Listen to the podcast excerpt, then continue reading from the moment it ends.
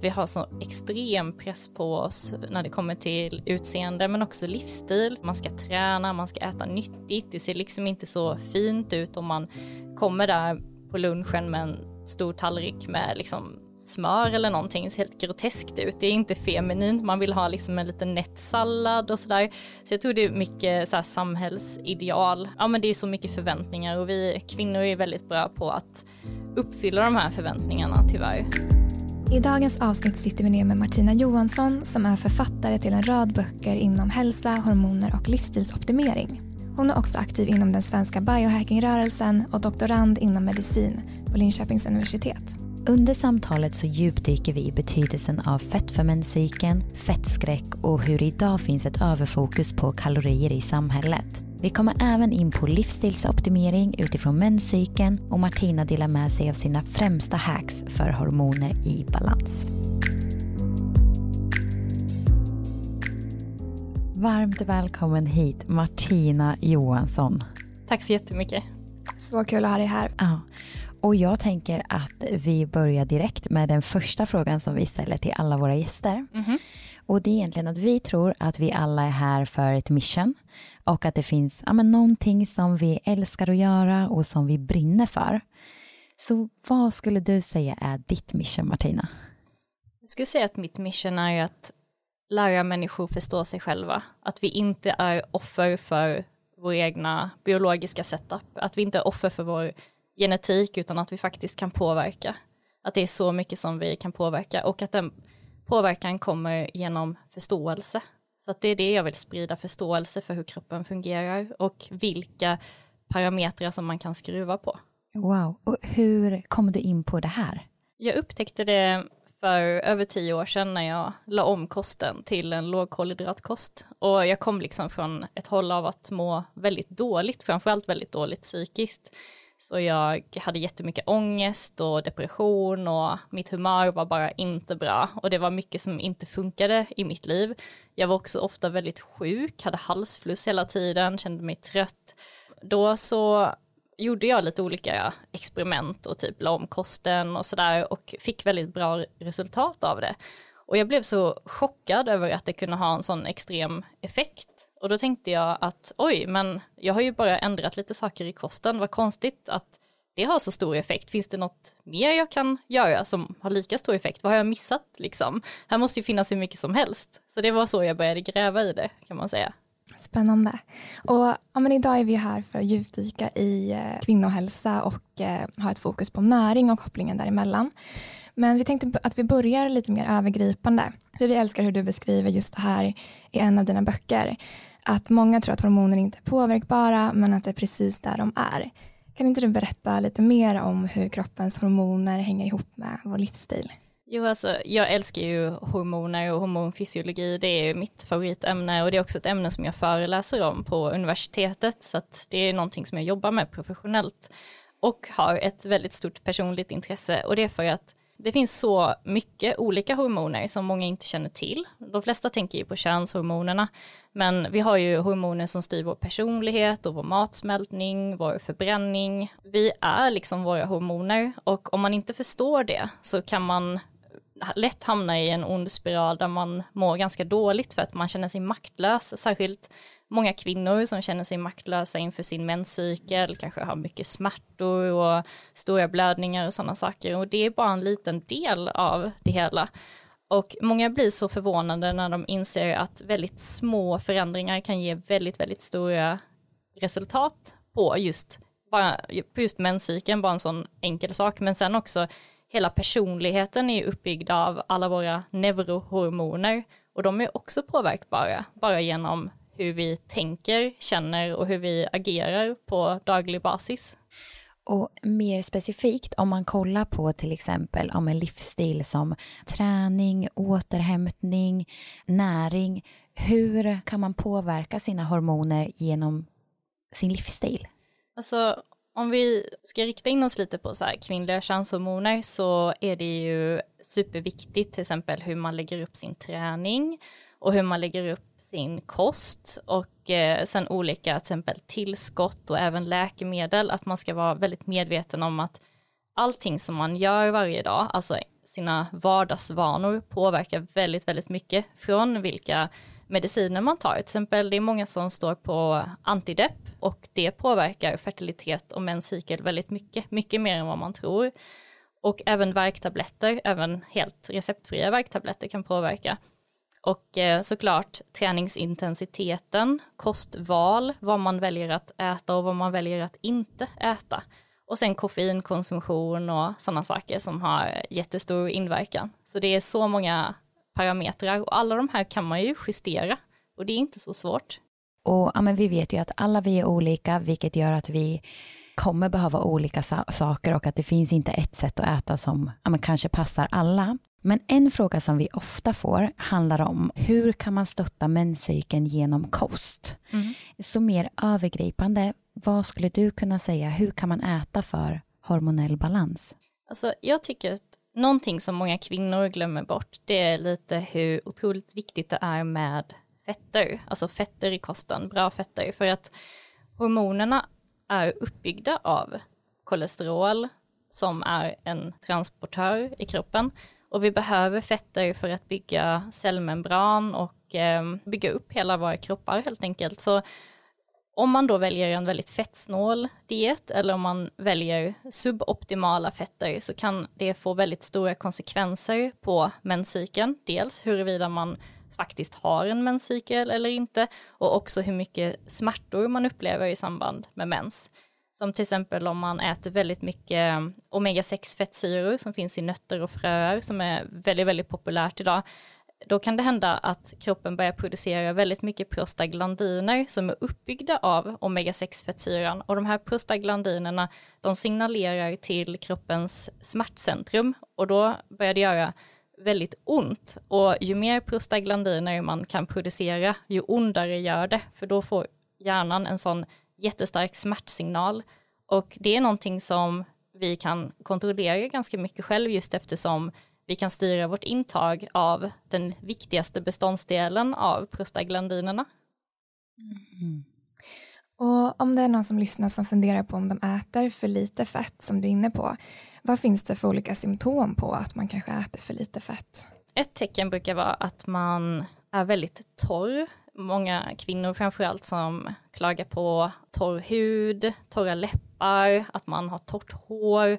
Det är ju de yttre tecknen på att man kanske bör öka sitt fettintag lite grann. Och då kan man ju undra, ja men hur mycket är lagom ungefär? Och jag brukar säga att den nedre gränsen går vid ett gram per kilo kroppsvikt. Så att om man väger då, eh, säg 70 kilo, så bör man få i sig i alla fall 70 gram bra fetter varje dag. Eh, och då finns det lite olika alternativ som jag kan komma in på sen, men ett mer så här internt tecken på att det kanske saknas lite fett i kroppen är ju om man har lite för låga könshormoner, om man börjar få lite lågt östrogen till exempel, för då kan man tänka sig att det kanske saknas byggstenar, att det kanske saknas fett så att inte kroppen kan bygga tillräckligt med östrogen. Mm. Och hur vet man om man har lågt östrogen? Ja, det är egentligen väldigt enkelt. Det ger väldigt kraftiga symptom. Ehm, när kvinnor närmar sig klimakteriet så märker de av det väldigt, väldigt väl med värmevallningar och att håret blir tunnare och humöret kan svaja ganska så kraftigt och framförallt att mensen blir glesare och glesare och kanske inte kommer alls, alltså man hoppar över månader och sånt där. I början av alltså perimenopausen, alltså före själva klimakteriet så kan mensen först komma tätare innan den kommer liksom med större mellanrum. Men om man inte alls är i den åldern utan man är i 20-årsåldern och det är liksom flera decennium kvar till klimakteriet så kan man faktiskt ändå ha så lågt östrogen att man i praktiken är i ett slags klimakterium. Då märker man det framförallt genom att mensen uteblir väldigt ofta. Det kanske går många månader eller den kanske inte kommer överhuvudtaget. Det kanske till och med gått år innan man såg sin mens senast. Det kan också vara att man har väldigt torra slemhinnor i underlivet till exempel, att man känner sig torr och det funkar inte riktigt som det ska och eh, framförallt att man känner att man inte har samma svängningar som andra, att man kanske har lite lägre sexlust och sådana saker kan också vara tecken på att kroppen inte producerar så mycket östrogen som den ska. Och jag tänker också på det när vi pratar symptom av att äta för lite fett. Vi var inne på de fysiska symptomen, mm. men mer ja, men emotionellt och mentalt. Vad kan det finnas då för symptom på att man äter för lite fett? Ja, eftersom fetterna används i kroppen till väldigt många olika processer och de används även till att bygga upp våra neurohormoner och neurohormoner det är ju dopamin, serotonin, noradrenalin, GABA. Det är ju det som styr vårt humör och mående och vårt driv till exempel och fokus och sånt. Så om man inte har tillräckligt med byggstenar, men här är protein väldigt viktigt också, men fetterna behövs också. Och eh, då kan ju det ta sig uttryck i framförallt eh, att man har väldigt svårt att fokusera. Så väldigt många som uppvisar symptom på ADHD har egentligen skev fettfördelning i sin kost. Alltså jag tycker det här är så intressant ämne när det kommer till just fett. Mm -hmm. När det är någonting ja, men båda vi märker, dels i vårt community, men också ja, men av egen erfarenhet så är det ju att många i vår generation växer ju upp med en rädsla för fett. Det är liksom någon form av fettfobi, att det är någonting som man ska undvika. Jag själv, om jag kollar på men hur min bakgrund är, så gick jag mer för liksom de fettfria produkterna eller med låg fetthalt istället för att gå till fullfeta produkter. Och vad är dina tankar kring det här? Alltså, jag har full respekt för att man tycker att det känns lite läskigt och jobbigt med fett och jag har ju absolut varit där själv också och varit helt övertygad om att fett och kött är fiende nummer ett och om man bara kan hålla sig långt, långt ifrån det så har man gjort en stor insats för sin hälsa. Men då visste jag inte vad jag vet nu om hormonfysiologi och jag hade ju då också konsekvenserna av det. Men som sagt, jag förstår ju hur det känns och att man också kan vara så påverkad av det, att man tycker att det känns direkt äckligt och att man, bara tanken på att man ska börja äta massa fett, är liksom inte alls tilltalande. Men grejen är att man behöver aldrig vräka i sig någonting överhuvudtaget, utan det handlar om att man ska äta tillräckligt för sitt behov. Och som jag sa för en stund sedan då med ett gram bra fett per kilo kroppsvikt, det blir inte så himla mycket ändå. Och kan man äta lite till och man kan hålla sig runt 100 gram fett per dag till exempel, det är 900 kalorier, det är en hel del, men en vuxen kvinna behöver det dubbla och mer till. Jag menar 2500-3000 kalorier är absolut inte för mycket för en ung kvinna som ska orka ägglossa och ha en fungerande menstruation och sådär. Så visst, det blir mer kalorier eftersom fett innehåller ju 9 kalorier per gram jämfört med kolhydrater och protein som bara innehåller 4 kalorier per gram. Men då kan man också tänka att man blir väldigt mätt på fett. Vi behöver det och det blir inte så mycket på tallriken om man tänker att man ska satsa på 50-100 gram. Så det behöver inte bli så, eh, så jobbigt liksom. Mm. Och vad är dina tankar? Hur tror du att det kommer sig att det ser ut så här idag? Att det är så många kvinnor, för det är framförallt ja, men kvinnor som har just den här rädslan för fett.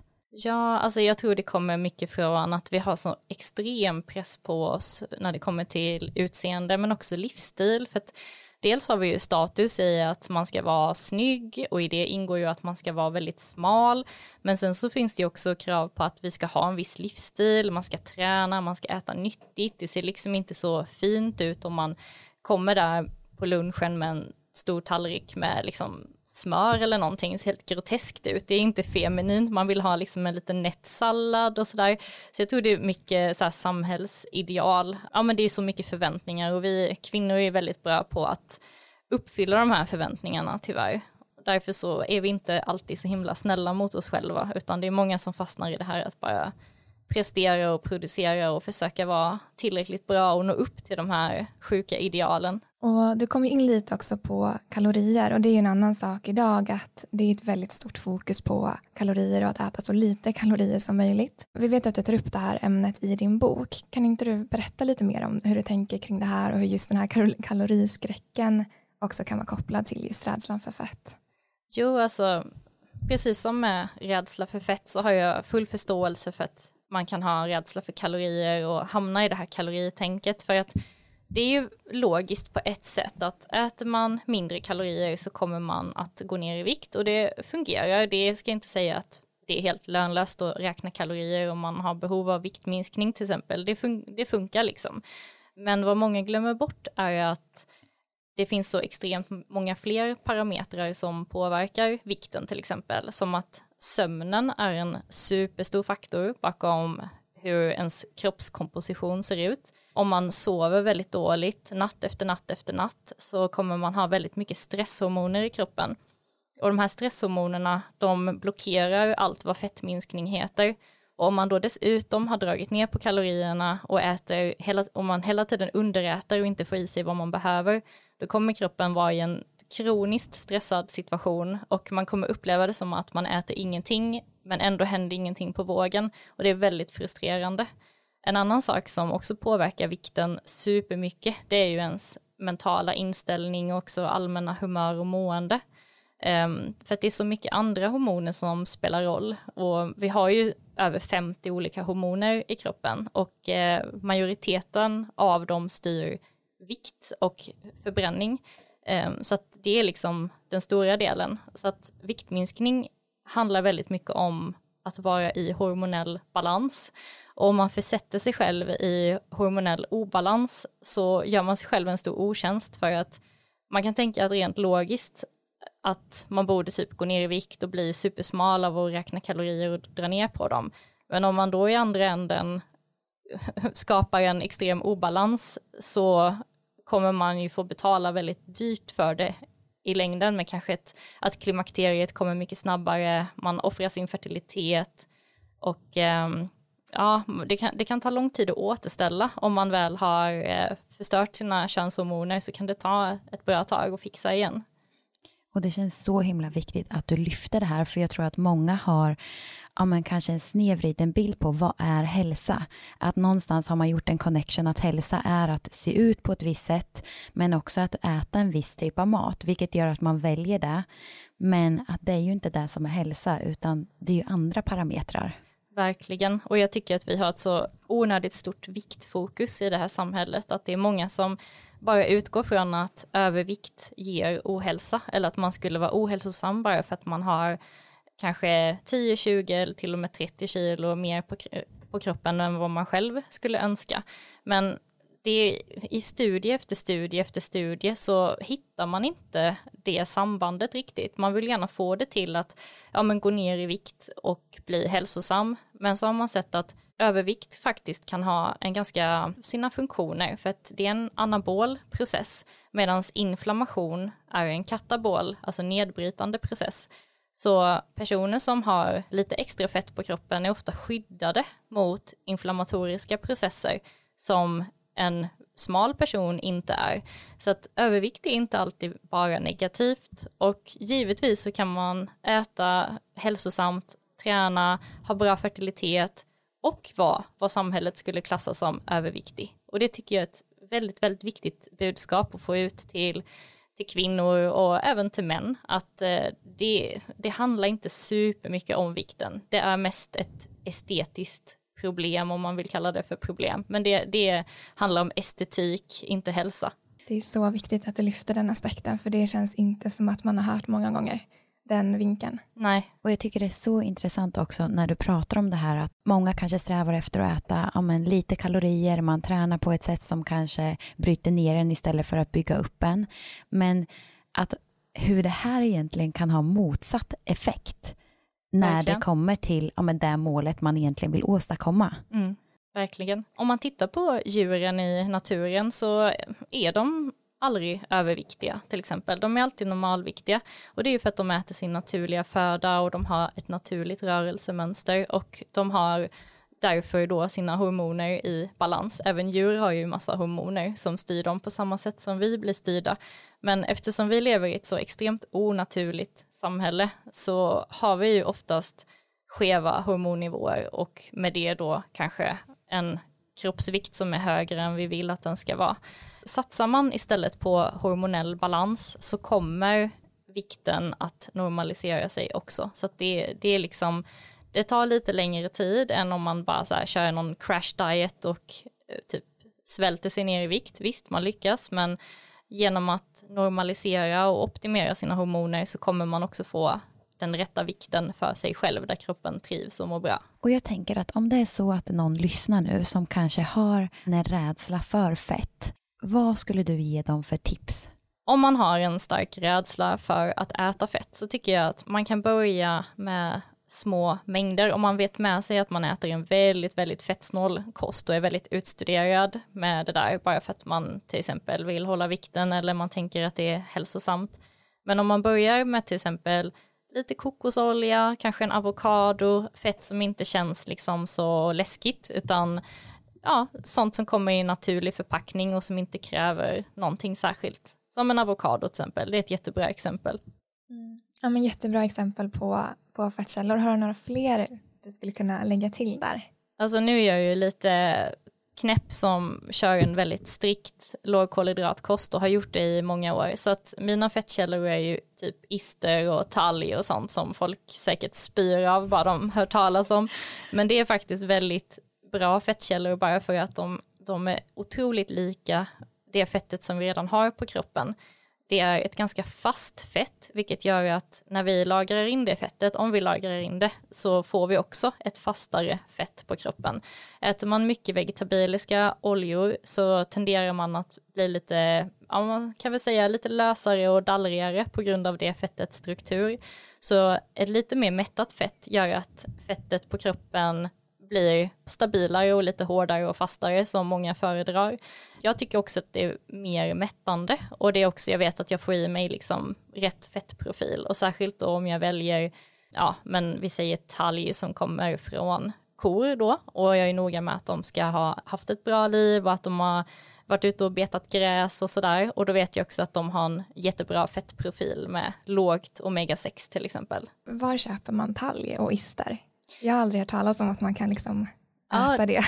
alltså, det är faktiskt en jättevanlig fråga jag får, för jag visar oftast min mat på sociala medier och visar upp mina, min ister och min talg och sådär. Och folk undrar, men var får man tagit det någonstans? Men det finns faktiskt i alla matbutiker.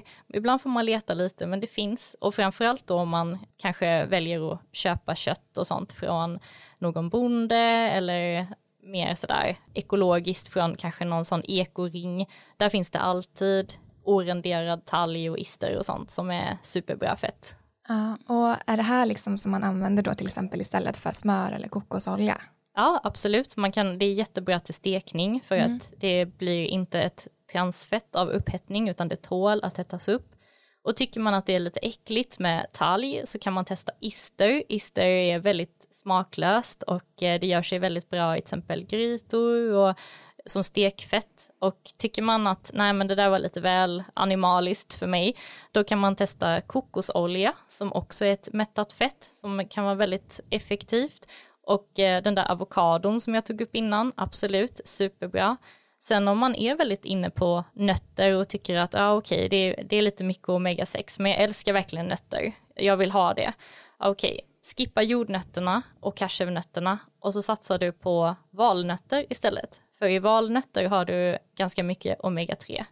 Och man kan också eh, köra på linfröolja bara för att få in några sådär vegetariska alternativ, för det brukar alltid efterfrågas. Ja, men så bra konkreta tips. Och jag tänkte att du är inne nu på mättat fett. Mm. Och jag vet att idag så kan många känna en rädsla för just mättat fett. Kan inte du berätta hur det kommer sig att mättat fett kan vara gynnsamt för våra kvinnliga hormoner? Ja, det mättade fettet har ju fått utstå ganska mycket sen eh, man började prata om det på 70-talet som typ källan till all ohälsa och att det satte sig i kärlen och kläggade igen dem och man får hjärt och kärlsjukdomar och det är super ohälsosamt på alla sätt och vis.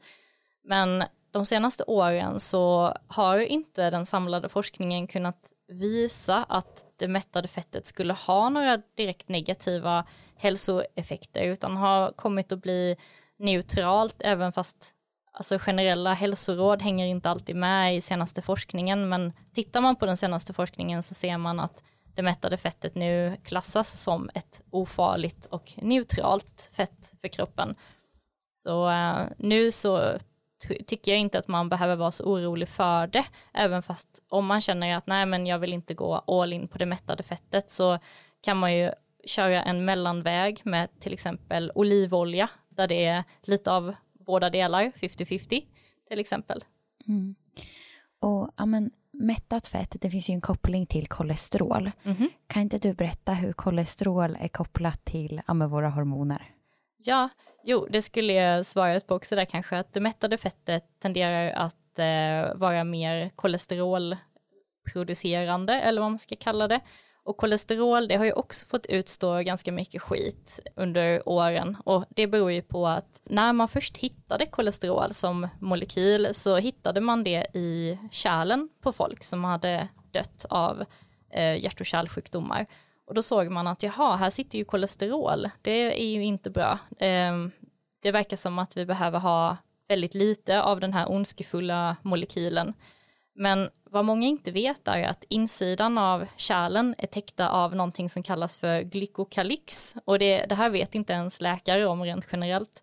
Men den här glykokalyxen, det är typ som eh, hår, precis som att tarmslemhinnan är täckt av små hår. Och vi har ju också flimmerhår i, i andningsvägarna.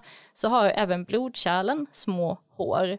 Och eh, om det här håret slits bort så då kan kolesterol fastna där och om man då också har inflammatoriska processer i kroppen och eh, om man har väldigt skeva blodfetter. Så vi har ju två olika typer av kolesterol, LDL och HDL, där den ena då eh, skickar ut kolesterol till kroppens vävnader, för de behöver det. De behöver bygga upp sina cellmembran. Membranen är byggd av nästan bara fett.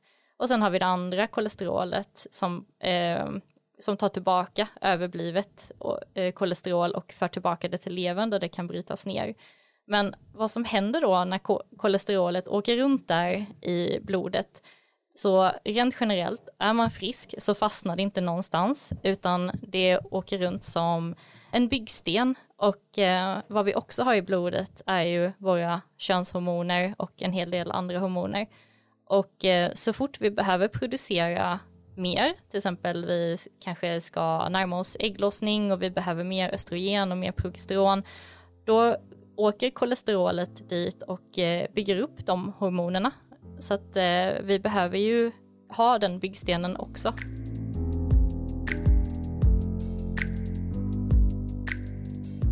I dagens avsnitt vill vi tacka vår magiska sponsor Holistic som är ett hälso och kunskapsföretag som vill hjälpa människor att bli mer friska och mer medvetna. Ja, och idag ska vi djupdyka i maghälsa. För är det någonting som har uppmärksammats de här senaste åren så är det ju verkligen hur viktig mage och tarm är när det kommer till vår hälsa. Ungefär 80 procent av immunförsvaret sitter ju faktiskt i tarmen. Mm. Och inte helt otippat så har ju tarmhälsan också väldigt, väldigt stor betydelse för våra hormoner och vår menscykel. Och när tarmen inte fungerar optimalt så kan vi inte ta upp eller tillgodogöra oss näringen i det vi äter. Och det här gör ju då att kroppen inte får byggstenarna som behövs för att vi ska kunna producera tillräckligt med hormoner. Och det här kan ju då bli till obalanser i hormonerna. En fungerande tarm är också viktig för att vi ska kunna göra oss av med överblivna och förbrukade hormoner. För kan vi inte göra det så fortsätter de att cirkulera i kroppen och det här stör ju ja, den naturliga hormonbalansen. Mm, exakt. Och den senaste tiden har jag själv upplevt olika IBS-symptom och det här har jag märkt är väldigt nära kopplat till stress och jag har också känt hur det här påverkar i sin tur olika PMS-symptom. Så därför har jag känt att jag verkligen vill stötta mag och tarm lite extra så jag har använt Holistics magpaket senaste tiden och kan verkligen rekommendera det till alla som upplevt samma typer av symptom. Mm. Och både du och jag har ju använt det här magpaketet och det innehåller ju fyra olika produkter för just mage och tarm och de här passar ju ja, men de allra flesta oavsett om man har utmaningar eller inte. Mm, precis. Så i det här paketet ingår matsmältningsenzym. Det här har ju verkligen varit en av mina absoluta favoriter som jag har använt de senaste åren. Och det matsmältningsenzym gör är att det hjälper till att bryta ner och ta upp näringen i det vi äter samtidigt som det kan ja, stötta vid exempelvis stress. Och den andra produkten är smörsyra som kan vara bra mot just irriterad och obalanserad tarm som jag var inne på innan. Och mjölksyrebakterier är den tredje produkten och den innehåller goda bakterier för tarmen och just den här produkten från Holistic innehåller bakterier från 12 olika stammar. Och den fjärde produkten är prebiotika som alltså är fiber som matar tarmens goda bakterier. De här produkterna som vi pratar om, vi lägger dem i avsnittsbeskrivningen för vi förstår att det kan vara svårt att hänga med. Exakt. Och vi har en rabattkod från Holistic så för dig som är nyfiken så kan du använda koden WomenSync20 med stora bokstäver så får du 20% rabatt på hela deras sortiment på deras hemsida holistic.se. Och den här rabattkoden gäller till och med den 31 december. Tack snälla Holistic för ett magiskt samarbete. Vi får många frågor i DMs om hur man som kvinna kan må så bra som möjligt under månadens gång. Och om du vill lära dig mer om menscykeln och hur du kan påverka den genom verktyg i din vardag så vill vi tipsa er om Women's boken I boken tar vi upp allt du behöver veta om den kvinnliga biologin, hur du kan synka din livsstil till din menscykel för att må så bra som möjligt. Vi djupdyker även i mat utifrån menscykelns faser, vi delar framgångssagor från communityn och så, så mycket mer. Och I början på veckan brukar vi gå igenom reviews på vår hemsida och när vi läste den här reviewen så, ja, men så fick vi rysningar för den var så fin och vi ville dela den med er. Eh, det står så här. Det här är alla kvinnors bibel. En helt ny värld som öppnades för mig, som har underlättat och förbättrat mitt liv och kommer att fortsätta att göra det. Ja, alltså wow. Så, så fint. Ja, så mäktigt. Och boken finns att köpa på vår hemsida womensync.se. Bara lite kring det här med mättat fett innan. Jag tänkte på, för de som är nya inför de här olika begreppen, mm. vad för livsmedel innehåller mättat fett? Det är ju typiskt eh, animaliska fetter, som ister och talg och smör också. Så smör om man tål mejeriprodukter, nu är det inte så mycket mjölkprotein i smör, det är mest ett mjölkfett. Och mjölkfett är ganska hälsosamt för det innehåller väldigt mycket K-vitamin. Och K-vitamin är bra för både blodets koaguleringsförmåga och för hjärtat. Men ehm, ja, så det är ganska så klassiska exempel. Men eh, de vegetariska exemplen är ju då avokado och kokosolja och valnötterna som innehåller mycket mättat fett också. Mm. Och i dina böcker så lyfter du upp lite den här skillnaden mellan just animaliska och vegetabiliska ja, fetter. Mm. Kan inte du berätta lite mer om det? Vad, vad, finns det för skillnader mer specifikt? Ja, alltså de vegetabiliska fetterna de är ofta ganska processade tyvärr eftersom de kommer ifrån växtriket och eh, om vi tar majs till exempel Eh, majs är ju liksom ganska långt ifrån en olja eller ett fett, eh, så att den behöver processas ganska mycket för att den ska kunna bli ett fett. Till exempel majsolja. Majsolja är väldigt populärt processade livsmedel och ett ganska onyttigt fett. Om vi tittar på soja, soja är också ganska långt ifrån ett fett om vi bara tittar på typ sojabönorna. Så de behöver också hårdprocessas för att de ska kunna bli sojaolja.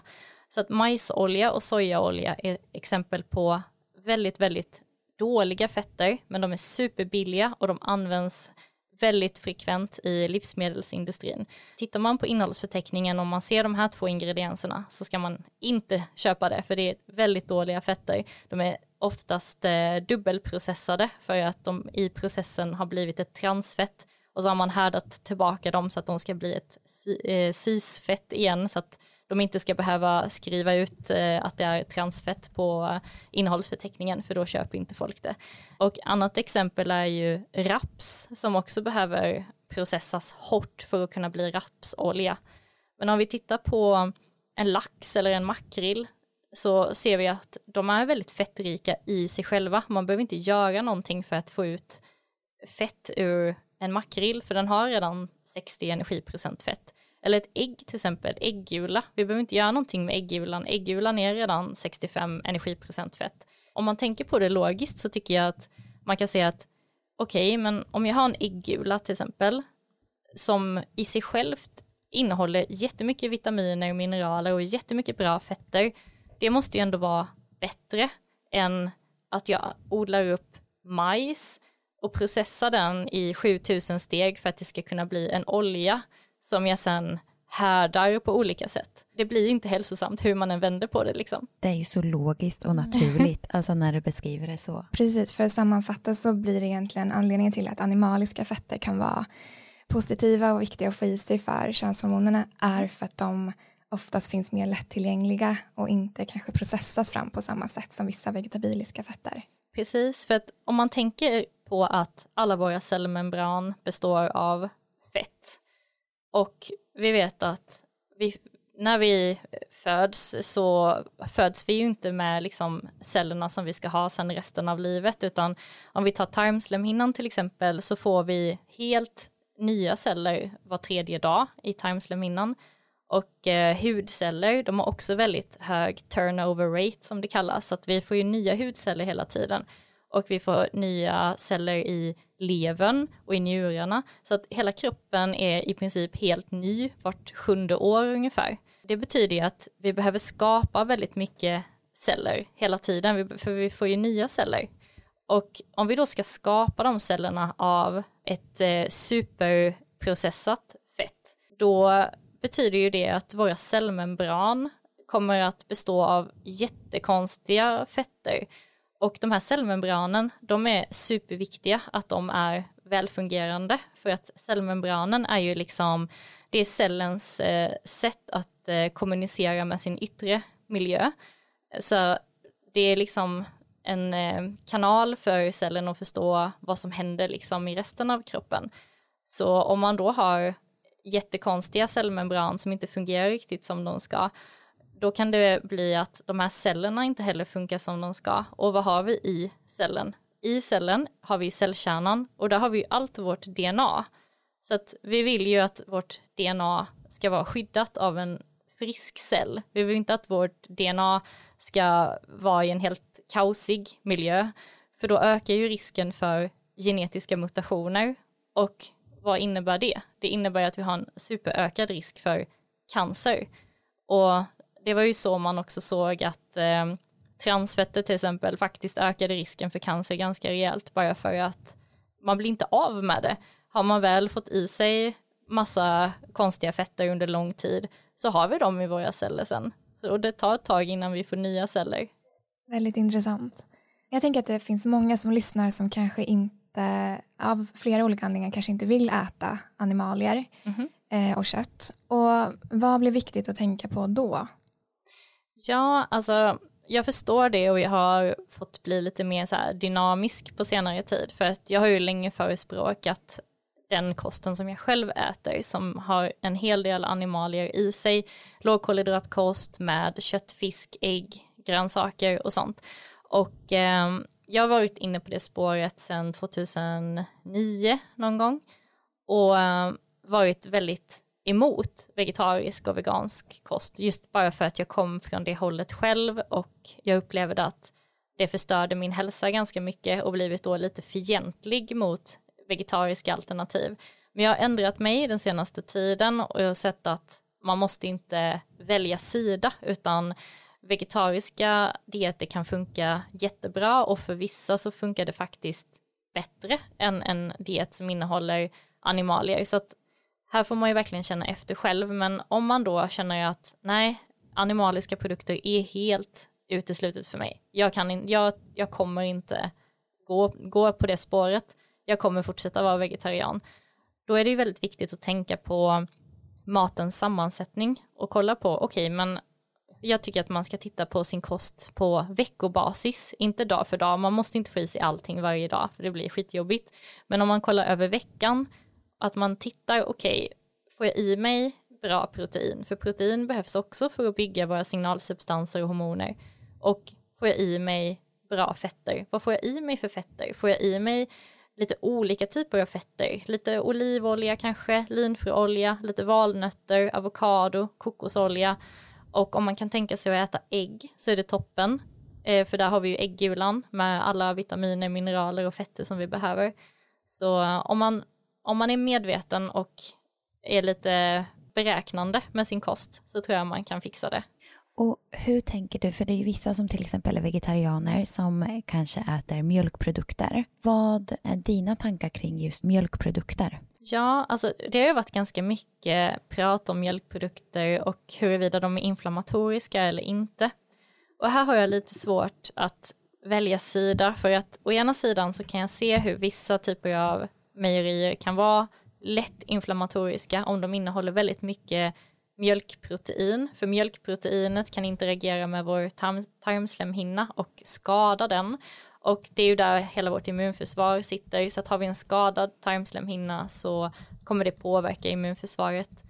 Så um, jag kan se hur det kan ha den effekten för många, men om man väljer mejerier som innehåller mindre mjölkprotein och mer mjölkfett så tycker jag ändå att det kan vara en, en bra trade-off för att få i sig lite bra fetter. Om man är vegetarian men kan tänka sig att äta mejeriprodukter och om man kan tänka sig att lägga till lite smör till exempel, kanske lite grädde, crème fraîche och sådana saker så skulle jag tro att nyttan med det är ändå bättre än vad det skulle kunna ge negativa konsekvenser. Om man då samtidigt väljer bort kanske vassleprotein och kvarg och sådana mejerier som innehåller väldigt mycket mjölkprotein.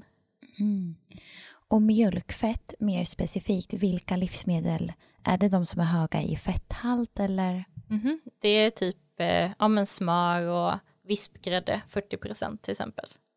Och sen tycker jag kanske inte att man ska vräka på med mejerier heller, men om man är i, i, det här, i den här situationen att man inte riktigt vet hur man ska få i sig mer fett och man kanske intuitivt känner att ja, jag kanske borde öka fettintaget lite i alla fall, så är det ju inte hela världen att använda lite mer smör liksom. Det är ju mycket, det är mycket bättre än många andra alternativ. Mm. Och för att sammanfatta, nu nämnde du en hel del livsmedel. Eh, skulle vilja nämna dem igen, liksom, vilka eh, mejerier som du ändå så här, tycker kan vara bra? Ja, just på mejerifronten så skulle jag säga smör och då skulle det vara det 80-procentiga smöret, inte det nya 60-procentiga utan det fullfeta smöret. Och eh, Bregott kan gå an om man verkligen måste, jag är lite ambivalent där, men eh, ja, vispgrädde och crème fraîche. Det finns en produkt som heter mascarpone också som är väldigt eh, high fat som också kan funka. Så de kan vara ganska okej. Okay. Hur ser du på produkter som till exempel ja, men fetaost, getost, parmesan? Ja, de innehåller ju lite andra saker och personer som är intoleranta emot mjölkprotein och mejerier i allmänhet från ko kan ofta tolerera get bättre och det kan vara ganska fördelaktigt om man kan tänka sig att stå ut med getsmaken i sitt kaffe, att byta ut den vanliga mjölken mot eh, eh getmjölk och även eh, ja, fetaost och buffalost också kan funka. Om man ska sammanfatta det här kring fett, vad skulle du säga är den största myten när det kommer till fett? Jag tror att det är att man blir fet av fett. För det är det många som intuitivt tänker att ja, jag kan inte äta för mycket fett för då blir jag ju tjock. Men i själva verket så blir man ju mer mätt och mer nöjd. Och många som har varit, varit eh, vegetarianer eller veganer under lång tid kan få eh, ganska stark både proteinhunger men också fetthunger. Och om man är vegan till exempel och eh, hamnar i situationen ofta att hetsa i sig jordnötssmör till exempel, då kan man ana att man har lite av den här fetthungern där kroppen egentligen behöver ett stabilare fett. Och det där är så intressant att du säger, för jag kommer ju från en bakgrund eh, där jag var ja, men vegan men också utebliven mens på grund av liksom, livsstil. Och jag kan verkligen känna igen mig i hur jag cravade de typerna av produkter. Men också ja, men idag när jag ja, men förändrade min kost hur det har blivit annorlunda för jag känner ett sånt lugn i kroppen, man känner en annan mättnad, det kan gå flera timmar utan att man ja, men känner en hunger som ja, men förr i tiden var, ja, men det fanns inte på kartan. Så det är verkligen så fint hur viktigt liksom fett är för vår kvinnliga biologi. Verkligen, och jag tycker också att man kan, eh, man kan ge sin kropp lite mer cred än vad man brukar göra för att man är ganska intuitiv egentligen och kroppen vet vad den vill ha. Om man bara lär sig lyssna på det så kommer den tala om det. Och den talar ju om det genom just cravings. Så ja, men om man skulle då vara sugen på jordnötssmör eller en påse chips till exempel, det är ett typiskt tecken på att okej, okay, du äter för lite och du behöver lite mer fett. Och utöver fett så pratar du mycket om betydelsen av protein. På vilket sätt är protein viktigt för menscykeln? Ja, protein är ju också, alltså protein bryts ner till aminosyror i kroppen och eh, de här aminosyrorna de bygger ju upp eh, en mängd hormoner. Så att vi behöver ju dem som byggstenar också. Det är ju, ja, utöver fetterna, kroppens viktigaste byggsten. Mm. Och var hittar man protein i vilka typer av livsmedel? Ja, faktiskt så innehåller precis alla livsmedel protein. Precis alla. Men man vill ju också ha hög biotillgänglighet på proteinet som man äter. Så man vill att inte, att det inte bara ska stå typ 20 gram protein på innehållsförteckningen utan man vill ju också att kroppen ska känna igen det som protein. Och för att den ska kunna göra det så behöver man få i sig kompletta aminosyraprofiler och det innebär då ett komplett protein. Alla animaliska, eh, ja, alla animaliska produkter har kompletta aminosyraprofiler vilket gör att man får i sig ja, 80-100% av det proteinet som står på innehållsförteckningen. Och med vegetabiliska proteiner så kan det bli lite lurigt för det kan se ut som att det innehåller jättemycket protein men kroppen känner inte igen det som ett protein lika tydligt. Och om jag ska komma tillbaka till jordnötterna till exempel så innehåller det, jag tror det är 25 gram protein per 100 gram, vilket är jättemycket. Men av de 25 grammen så är det under 10 procent som kroppen kan ta upp och använda. Så om man då ska välja vegetabiliska proteinkällor så får man ofta tänka på att få i sig mycket, mycket mer eller så kan man försöka kombinera olika livsmedel för att skapa en komplett aminosyraprofil. Som till exempel att äta ärtor tillsammans med ris för att få ihop en ja, aminosyra eh, kombination som kroppen kan bygga någonting av. Nu tänkte jag att vi ska djupdyka i ett ämne, koffein. Ja. Och jag vet att i din bok så beskriver du ett case om att ja, men många kvinnor kanske vill gå ner i vikt, men att de istället väljer att till exempel hoppa över måltider och istället dricka en kopp kaffe eller ta en energidryck. Och hur det här har motsatt effekt på kroppen. Kan inte du berätta lite mer kring det? Ja, alltså just det här med koffein brukar jag ha som favoritexempel för att nu är det så extremt många unga tjejer som i princip lever på energidrycker det har blivit så populärt och vi ser reklam för olika typer av energidrycker precis överallt. Så det har blivit ganska trendigt att gå runt med en energidryck i handen eller en kaffe kanske inte så coolt längre utan nu är det de här ganska potenta energidryckerna som inte bara innehåller koffein utan som också innehåller andra stimulanter som ALC till exempel, acetyl L-karnitin, boostat av grönt teextrakt, kanske lite grönt kaffeextrakt och eh, taurin, tyrosin och eh, guarana är väl de vanliga ingredienserna. Och det här tillsammans kan bli ganska potenta stimulanter som är ju då centralstimulerande och påverkar våra hormoner väldigt mycket. För det första så kommer man få väldigt mycket högre noradrenalin. Och noradrenalin är ju en släkting till adrenalin som alla känner till. Så det innebär ju att eh, det ökar stressen i kroppen och det kan man ju ofta känna av om man inte är väldigt okänslig. Och eh, när man då har mycket adrenalin och noradrenalin så får man också upp sitt kortisol, ett annat stresshormon. Och eh, kortisolet, det produceras ju av binjurarna som också producerar lite könshormoner som DHEA som är moderhormonet till både östrogen och testosteron. Och det producerar också progesteron. Eh, progesteron produceras också av våra äggstockar om man är liksom i fertil ålder men eh, det är ändå viktigt att ha en viss produktion från binjurarna. Och vad som händer då om man bombarderar kroppen med stress på olika sätt, till exempel från koffein, det är ju att vi kommer ha kortisol och noradrenalin i väldigt höga nivåer i kroppen som då blockerar både progesteron och DHEA, vilket gör att vi kan få ganska kraftigt sänkta könshormoner. Det kommer påverka fertiliteten, det kommer påverka ja, genom utebliven ägglossning oftast, kanske förskjuten mens eller lite mer sparsam mens. Eh, och man kommer känna av det också genom att eh, förbränningen kanske inte funkar riktigt som den ska eftersom könshormonerna är väldigt viktiga för sköldkörtelns funktion. Och sköldkörteln det är ju ett organ som styr vår, vår förbränning i stort och eh, har massa andra viktiga effekter också. Så att om man till exempel då genom kaffe och energidrycker och sånt stressar systemet konstant så kommer man få hormonella problem både direkt men också på sikt och eh, det kan göra det väldigt svårt att både få resultat i sin träning och att nå sin idealvikt.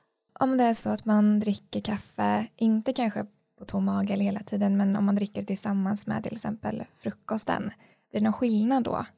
Ja, det är faktiskt bättre att dricka tillsammans med eh, sin måltid. Om man dricker lite kaffe på morgonen till sin frukost så det är oftast helt okej okay, om man inte är väldigt känslig. Vissa kvinnor är så känsliga att de inte tål koffein överhuvudtaget och bör avstå.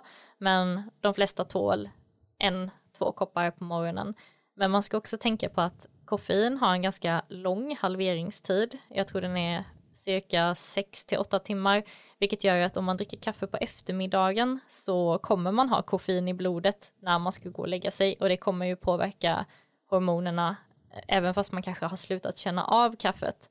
Om man då dricker en energidryck på kvällen när man ska träna så kommer man ha väldigt mycket koffein i blodet under hela natten som då påverkar den nattliga utsöndringen av olika hormoner som vi behöver. För vi utsöndrar ju hormoner när vi sover också som ska hjälpa till och läka skador och sådana saker och då, då missar vi det. Vad skulle du ge för tips för de som lyssnar som kanske känner så här, men om inte jag får min kopp kaffe eller energidryck, då har inte jag energi för dagen, jag fungerar inte då. Ja, alltså det är många som är i den situationen och jag var i den situationen själv när jag gick på Chalmers till exempel, var totalt slav under koffeinet och kunde inte funka utan. Och vad som ofta är problemet är att man har, man har helt enkelt ett mycket större problem än vad man tror. För problemet är inte att man inte klarar sig utan kaffe. Problemet är att man har så skeva hormoner och eh, ämnesomsättning att man har gjort sig helt beroende av en krycka. Så koffeinet har blivit lite som ens medicin för att kunna fungera och vissa kombinerar ju också koffein med socker för att kunna fungera för att de tycker inte att energin räcker annars. Och då har man ett ganska så stort problem med hela sin ämne, ämnesomsättning och troligen också sina hormoner och könshormoner. Så äh, där behöver man en lite större intervention med hela sin livsstil och också tänka på att man kan trappa ner koffein och få det till lite mer rimliga nivåer. Det går. Man kan klara sig helt utan, för det är nämligen så att om man är väldigt beroende av att dricka kaffe på morgonen när man går upp, så man kommer ju såklart bli pigg av den där koppen kaffe, men om man inte skulle göra någonting överhuvudtaget så kommer man vara lika pigg inom 90 minuter, för att det är så lång tid det tar för kroppen att vakna av sig själv och bli lika pigg som med den där koppen kaffe. Ett case som du tar upp i din bok Keto handlar om en person som vill gå ner i vikt men som äter för lite och tränar för mycket cardio. Och är det något budskap som förmedlas i samhället så är det ju att de här två sakerna är nycklarna till att du ska gå ner i vikt. Men i din bok så beskriver du hur det här istället kan leda till motsatsen men också att det kan leda till ätstörningar och hormonella obalanser och mycket annat. Kan inte du berätta lite om det här? Det är ju supervanligt det här med att man tror att man måste göra en massa, massa cardio och också att man kompensationstränar, att så fort man har ätit lite för mycket eller man kanske frångått sin diet så ställer man sig i crosstrainern eller går ut och springer för att liksom kompensera för det.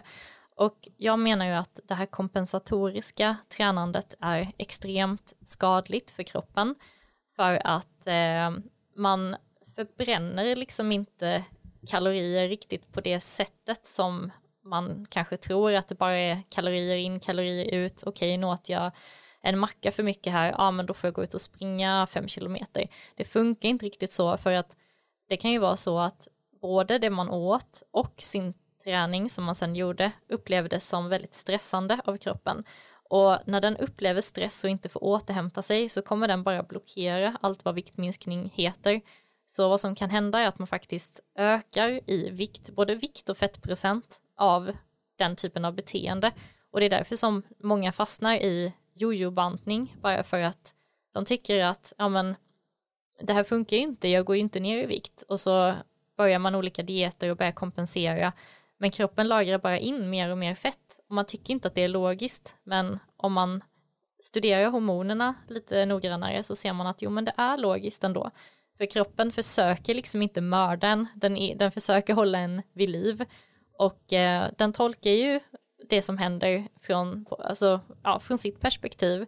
Och eh, man kan till exempel se om man har fett inlagrat på buken, på mitten av kroppen, så är det definitivt ett tecken på stress. För att då vill ju kroppen i en nödsituation ha det viktiga fettet så nära de inre organen som det bara går. Och det är därför som man börjar lagra in fett på magen vid stress. Vad skulle du ge för tips till de personer som känner igen sig i det här när det kommer just till ja, men näring, träning, återhämtning? Hur ska de tänka?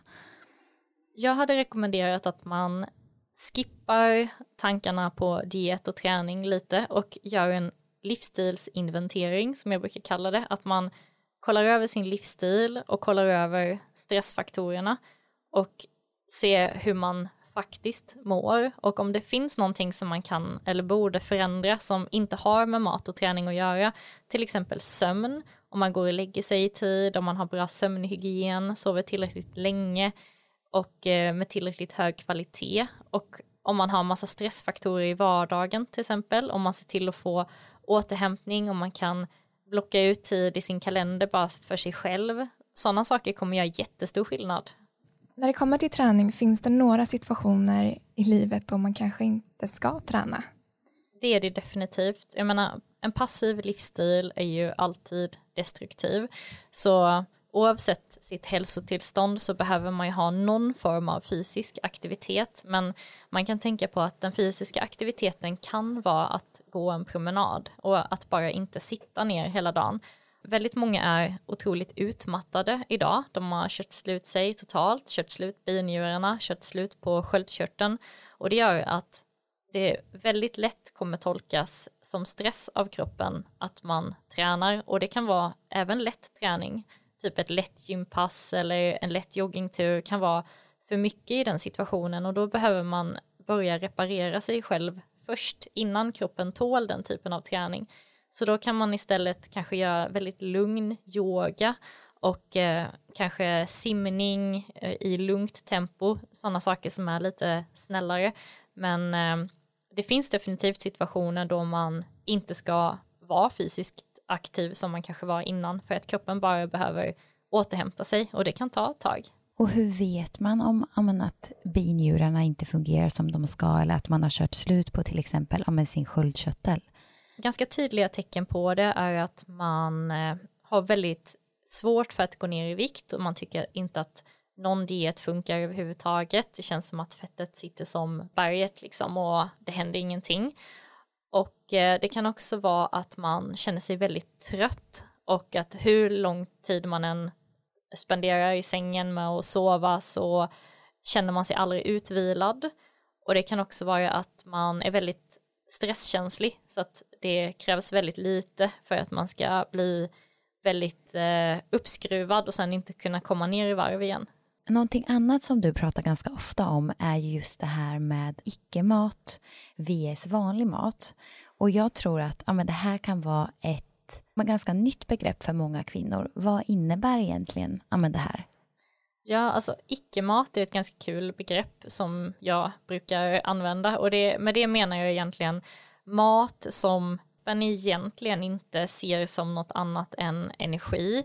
För vi kan ju uten, utvinna energi av det mesta liksom, men vi kan inte utvinna rätt näring av det mesta. Så det finns ju massa livsmedel i butikerna idag som jag skulle klassa som icke-mat, där det är um, ja, ofullständiga aminosyraprofiler, det är dåliga fetter, det är alldeles för processat och um, alltså det enklaste exemplet på det är väl egentligen det som vi brukar kalla för skräpmat liksom.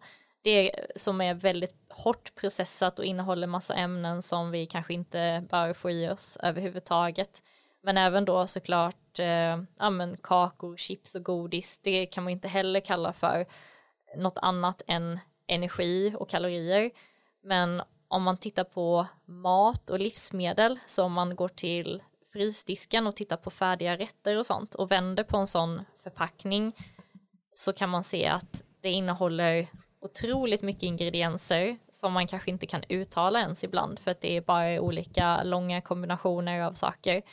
Och det är typiskt sånt som jag själv levde på på Chalmers för att jag orkar inte laga mat. Jag gick ofta och köpte någon så här vegetarisk färdigrätt och tänkte inte på vad den innehöll.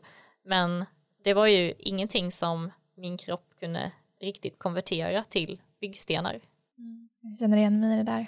Vi har gått in på så många intressanta ämnen idag. Men om du kort skulle sammanfatta, vad är dina bästa hacks för hormoner i balans?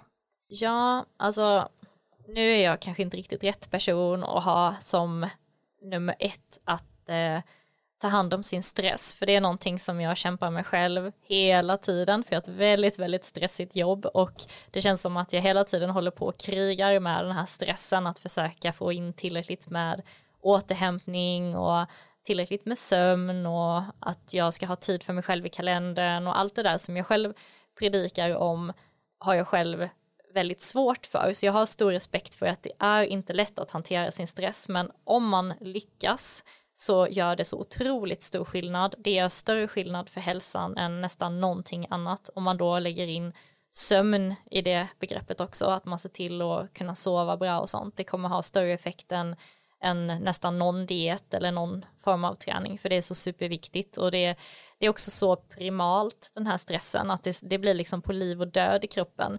För att kroppen fattar ju inte att vi sitter liksom på ett kontor och det är mysigt och varmt och tryggt, utan den kan ju reagera som att vi håller på att dö vilken sekund som helst om stressen är på topp liksom. Och det, det sliter otroligt mycket, det, det ger accelererat åldrande, det sliter på alla organ, det sliter på hjärtat, eh, vi får eh, försämrad kognitiv förmåga, vi kraschar vår fertilitet, alltså så mycket kommer från stress. Så att ta hand om den är nummer ett, verkligen. Um, och som nummer två så skulle jag rekommendera att uh, inventera kosten vecka för vecka, att man inte gör några förändringar utan bara tar fram papper och penna och kollar igenom liksom, okej, okay, hur ser det ut egentligen? Inte så här när jag försöker vara duktig och seriös, utan en helt vanlig vecka. Vad äter jag? Och så kan man använda så här livsmedelsdatabaser och titta på vad man får i sig, till exempel kostbevakningen, Chronometer och eh, vad heter de mer? Ja men alla sådana ställen som man kan surfa in på och titta på fettprofiler och aminosyror och näringsämnen, vitaminer och mineraler och verkligen kolla efter vad det är som saknas. Får jag i mig för lite fett till exempel? Får jag i mig för lite omega-3? Vi behöver två gram omega-3 eller ja, specifikt EPA då från eh, omega-3 varje dag, två gram, det är ganska mycket. Men lägger man till lite makrill till exempel i sin kost så klarar man det utan problem. Och eh, det tredje tipset får väl vara att eh, försöka hitta, inte bara hitta en träningsform som passar och inte stressar en, utan faktiskt anpassa sin träning till, sina, till sin eh, menscykel och försöka hitta att man är då det här är egentligen ett separat tips, men om man, jag, jag skulle verkligen rekommendera alla kvinnor att eh, lära känna sin egen menscykel. Det tycker jag är super, super viktigt. Så det får egentligen vara tips nummer tre. Men när man väl har gjort det, när man är liksom kompis med sin menscykel, att då försöka anpassa eh, livet lite mer efter den. För att alltså i den här i det här samhället så är det tänkt att vi ska fungera lite som maskiner som bara liksom kör på och kör på och kör på och inte känner efter så himla mycket. Och är vi trötta, ja då tar vi energidryck och eh, om vi behöver gå ner i vikt så bara skiter vi och äta och kör massa cardio och sånt. Så att det blir ju liksom inte alls så som det är tänkt att funka naturligt. Men om man om man struntar i det och försöker leva mer i samklang med sina cykler att även lägga in träningen och kosten och låta den liksom svänga med i det så gör man verkligen en jätte, jättestor insats för sin egen hälsa. Nu har vi faktiskt kommit till de avslutande frågorna. Och eh, den första frågan är, har du ett livsmedel eller en ingrediens som du inte skulle klara dig utan? Oj, alltså det här är väl kanske lite kontroversiellt, men jag råkar ha en så här, genetisk mutation som gör att jag har kronisk B12-brist. Och det gör att jag behöver få i mig rött kött. Och jag behöver äta det liksom, ja, ganska mycket varje månad för att jag ska kunna ha fungerande hormoner och en fungerande eh, menscykel. Så jag skulle inte klara mig utan rött kött faktiskt. Mm. Och om du fick tipsa om en bok, vilken skulle det vara? En bok som jag själv läste nyligen som jag tyckte var så, så bra. Den är skriven av Gabor Maté och heter When the body says no och handlar om psykoneuroimmunologi och det är inte alls så torrt som det låter utan det handlar bara om hur många sjukdomar och olika tillstånd som kan skapas bara av stress. Så det är lite stresstema men den är jättekul och väldigt intressant så jag rekommenderar den verkligen. Och när det kommer till återhämtning, vad är din bästa go-to för återhämtning? Jag tycker det snabbaste sättet är meditation. Jag mediterar väldigt mycket och jag tycker att det, det gör sån otrolig skillnad från att vara bara ja, springa runt och vara halvt hysterisk och ha jättemycket att göra till att faktiskt kunna sitta ner, få ner pulsen och få lite mer klarhet i tankarna. Och till den sista frågan. Om du fick ge dig själv ja, men ett råd till ditt 16-åriga jag, vad skulle det vara? Mm. Gud vad svårt. Ta den tid du behöver, det är ja. ingen stress. Ja, Okej, okay. jag tror jag har svaret. Ja. Det rådet som jag hade gett till mitt 16-åriga själv hade varit att verkligen lyssna på min magkänsla och min egen intuition och lyssna in min kropp och respektera den. Lyssna på det före allting annat och inte tro på vad andra säger om mig utan tro bara på mig och eh, vad jag vill och hur jag känner det. Mm, alltså jag får typ rysningar. Fantastiska avslutande ord, verkligen. Tusen tack för att vi fick ha det här samtalet med dig Martina. Tack själv. Tack snälla.